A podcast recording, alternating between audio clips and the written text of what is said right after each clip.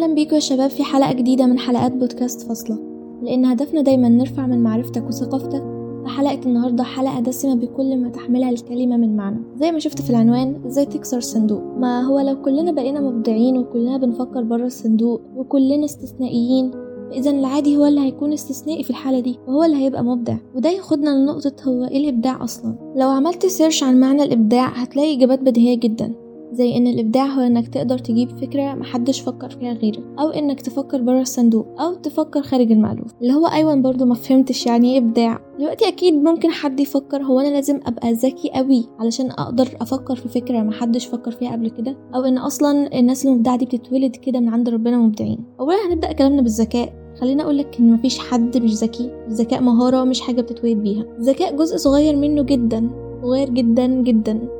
مرتبط بالجينات فالجينات والعوامل الوراثية تضع الأساس في الإطار العام للذكاء وبعد كده بيجي دور البيئة بظروفها وعناصرها علشان تشكل الذكاء ده. الذكاء ليه أنواع كتير فنشر الكاتب هوارد جاردنز كتابه أطر العقل سنة 1983 اللي اقترح فيه وجود عدد من أنواع الذكاء يمتلكها كل فرد درجات متفاوتة. هما سبع أنواع أساسية للذكاء كل نوع أساسي فيه أنواع على حصر لها من الأنواع الفرعية بس ده مش موضوعنا يعني.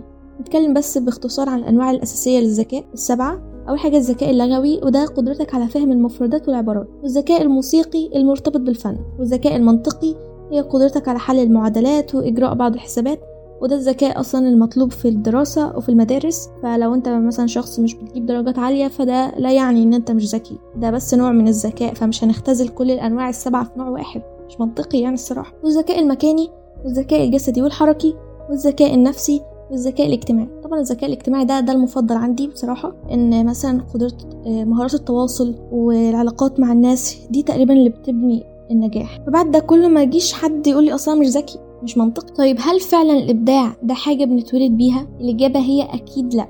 الإبداع بالظبط زيه زي المهارة بتكتسبها. وكلنا بنتولد عندنا درجة من الإبداع واللي بيخلي طفل يكبر ويبقى مبدع والتاني لأ. هي البيئة اللي حواليه. فواحد اتربى في بيئة سمحت له يظهر إبداعه وينميه والتاني كان في بيئة بتحجم من تفكيره وقتلت الإبداع ده عنده. جملة اطلع بره الصندوق اللي بنسمعها دايما. طول عمري نفسي أفهم هو إيه الصندوق وهطلع منه إزاي لحد ما لقيت حد جاوبني على السؤال ده. واقتنعت بوجهة نظره جدا. الصندوق هو التخصص اللي إحنا بندرسه وبنرفض نطلع بره إحنا في عالم متخصص جدا بل بنفتخر بإننا بنعمل تخصص في التخصص نفسه. طيب وإيه المشكلة في التخصص؟ هو الصراحة مفيش أي مشكلة بس انت في التخصص بتكون بتمشي في طريق مدروس كويس جدا. مشي فيه آلاف قبلك بل ملايين والنتيجة هتكون واحدة وكلنا عارفينها.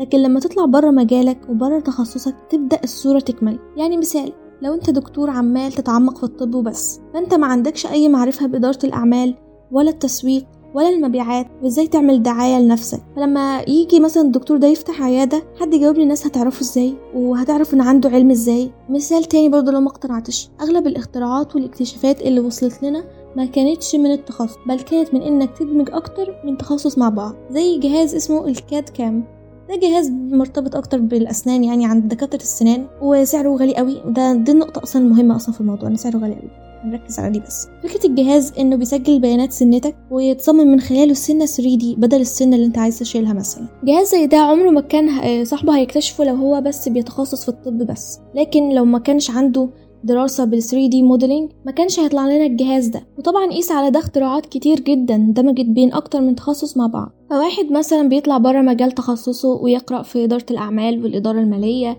والذكاء المالي والعلاقات وإلى آخره. أكيد الشخص ده هيبقى عنده قدرة أكبر إنه يبدع في مجال تخصصه نفسه. والشخص ده بيبقى متميز جدا. والحقيقي إن أغلب الشركات لو ما كانتش كلها بتدور على أشخاص مبدعين لأنهم قادرين يشتغلوا أكتر من شغلانة في نفس الوقت. بالتالي بيملوا خانات أكبر في الشركة. على عكس المتخصص وده وفقا لدراسات اتعملت في الشرق الأوسط. كمان الشخص المبدع هيقدر يبتكر أفكار جديدة تحسن من وضع الشركة اللي هو فيها وعنده قدرة على حل المشكلات والتفكير التحليلي فالطلب عليه في سوق العمل بيبقى كبير. مفهوم العلم مدى الحياة. كان زمان الناس بتتعلم لأجل العلم فكان وقتها طبيعي تلاقي واحد عالم في الفلسفة والفلك والطب ومجالات كتير مع بعض فكانت قدرتهم الإبداعية أكبر. كنت دايما وأنا صغيرة بستغرب الحاجة دي قوي يعني. لما كنا ناخدها مثلا في الدراسات أو كده كنت اللي هو بنذهل إزاي فلكي وعالم في الطب وكيميائي ورياضي مع بعض. وطبعا ده ليه أسباب كتير جدا. فإحنا هنتكلم عن عامل من العوامل يعني. طبعا عامل غير سبب عشان نبقى واضحين. كان زمان مقتنعين بأن العلم مدى الحياة فبيفنوا حياتهم فيه.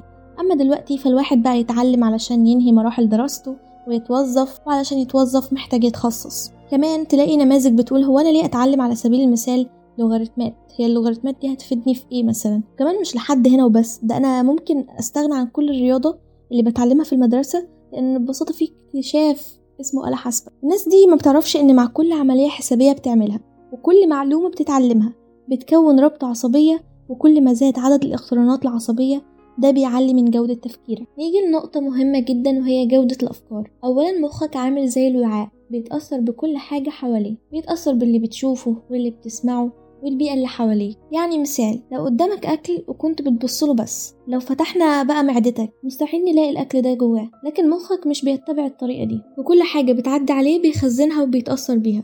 وأنت مش واخد بالك طبعا. يعني مثال طبعا المثال ده عامل لنا كارثة في حياتنا وإحنا برضو مش واخدين بالنا اللي هو ال social media. انت حرفيا مش بتتحكم في ال videos اللي بتظهر لك. وحتى لو المحتوى اللي بتتعرض له ده انت مبادئك وأفكارك معارضة ليه فمع كثرة التعرض ممكن تقلده بلا وعي منك. مثلا الأشخاص اللي انت بتتابعها لازم تبقى مختارهم بعناية ويبقوا فعلا بيضيفولك قيمة مش محتوى تافه تحت مسمى محتوى ترفيهي. ناس تعرض لك إنجازاتها وكلكم والمحتوى بتاع أنا عملت ثروة وهعلمكم إزاي تعملوا زيي.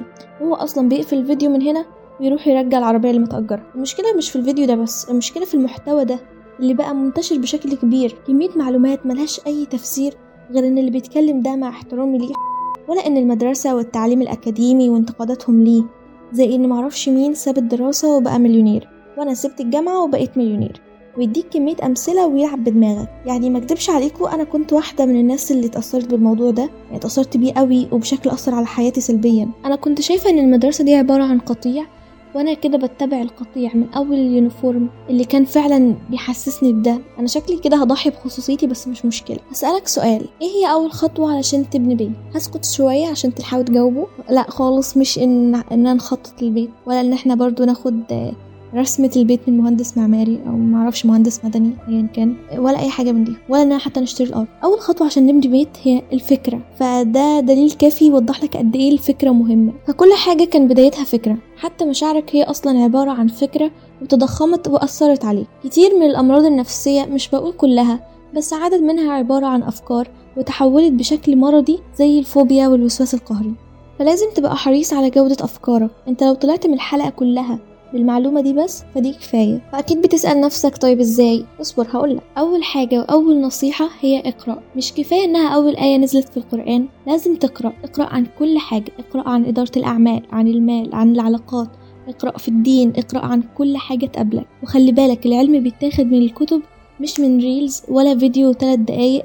العلم فعلا محتاج صبر. فاقرأ وحاول تخلي القراءة عادة لأن موضوع العادات موضوع طويل جدا ممكن نعمل عنه حلقة. بس العادات لو هرتبها من عوامل النجاح فبالطبع هخلي العادات رقم اتنين بعد الهوية. وبجد موضوع العادات والهوية موضوع يطول شرحه بس بشيء من الاختصار كده.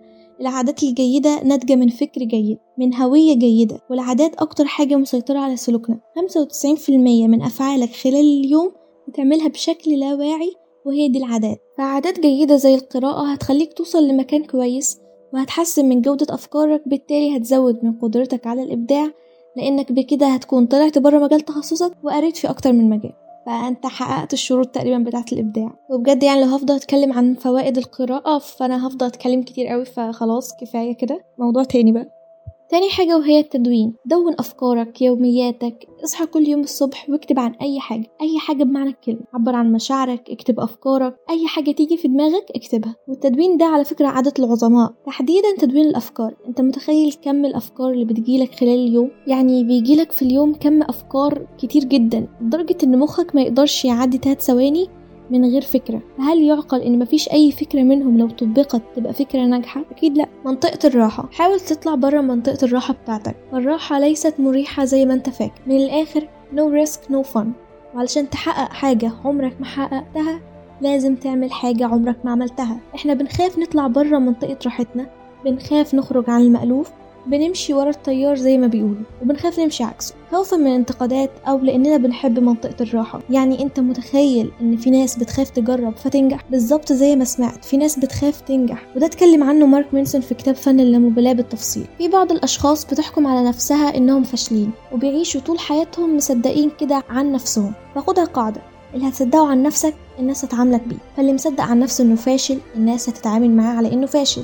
واللي مصدق عن نفسه إنه ما يستاهلش أي حاجة حلوة ولا حتى احترام الناس مش هتحترمه. بالظبط تعامل الناس معاك هو انعكاس لتعاملك مع نفسك كأنك مراية بالظبط. الشخص اللي حكم على نفسه إنه فاشل بقت دي منطقة الراحة بتاعته. فبقى يخاف يفكر يبدأ في حاجة فينجح ويكسر القوقعة اللي هو بناها. فده بالظبط المعنى الحرفي إن في أشخاص بتخاف تنجح زي ما في أشخاص بتخاف تفشل. الإبداع برضه بيتطلب إنك تبطل تخاف من الفشل. لأن ببساطة في محاولاتك لإنتاج فكرة محدش فكر فيها قبلك أنت هتحاول كتير وهتفشل كتير فلازم يبقى عقليتك مرنة وهتفشل أكتر ما هتنجح. في أي تجربة النتيجة الوحيدة المضمونة هي الفشل ولو اللي بيحاول ويفشل ويحاول تاني ده اسمه فاشل يبقى اللي قاعد وما بيحاولش هو ده الفاشل الحقيقي. توماس أديسون اللي أنار العالم حاول عشر تلاف مرة. توماس أديسون بيقول أنا ما فشلتش أنا نجحت في إني ألاقي عشر تلاف طريقة غير ناجحة. فأي فكرة وأي اختراع ناجح بنشوفه حاليا خلفه عدد من المحاولات الفاشلة ومش عدد صغير ده عدد كبير. لو سألتك إيه هي أكتر حاجة سمعتها وحشة الإجابة هي الروتين. الشائع عن الروتين إنه ممل وإن الأشخاص المبدعين مش بيلتزموا بروتين. وده طبيعي لأن ال social media بتبيع لنا المفاهيم الخاطئة دي. الحقيقة وأنا بجهز الحلقة كنت ب search عن أكتر الشخصيات المبدعة في مجالها لقيت ان في عامل مشترك بين أغلبهم أو كلهم وهو الروتين. الشخصيات دي كل شخصية فيهم ملتزمة بروتين ثابت ومحدد. روتين بيخدم أهداف كل شخصية فيهم. عارفين كويس بيناموا إمتى؟ ويصحوا إمتى. مخططين ليومهم صح. فالروتين الجيد هيوصلك لأهدافك. لأنك مش هتبقى صاحي تايه مش عارف عايز تعمل إيه. وكمان التخطيط لأهدافك بشكل مستمر. وتحديدا أكتر نوع تخطيط فرق في حياتي أنا شخصيا هو التخطيط الأسبوعي. أنا جربت التخطيط الشهري واليومي والسنوي. بس لقيت إن أكتر حاجة ساعدتني ألتزم هو التخطيط الأسبوعي. لأن مش طويل قوي فتتشتت ومش قصير زي اليوم فتحس إنك عايز تعمل حاجات كتير قوي ومش لاقي وقت. في النهاية الإبداع ما هو إلا مهارة وبتثقلها من خلال عاداتك وروتينك. وده عن طريق دمج أكتر من تخصص مع بعض لإنتاج أفكار مبتكرة. أتمنى في نهاية الحلقة تبقى عرفت إيه هو التعريف الحقيقي للإبداع؟ غير التعريفات البديهية اللي بنلاقيها في كل مكان. وأتمنى تكون استفدت جدا من الحلقة. الحلقة كانت من تقديم مريم محمد وإعداد ضياء محمد. لو تسمعنا على Spotify ما تنساش تعمل follow وتعرفنا حابين نتكلم عن إيه الحلقات الجاية. وبس مع السلامة.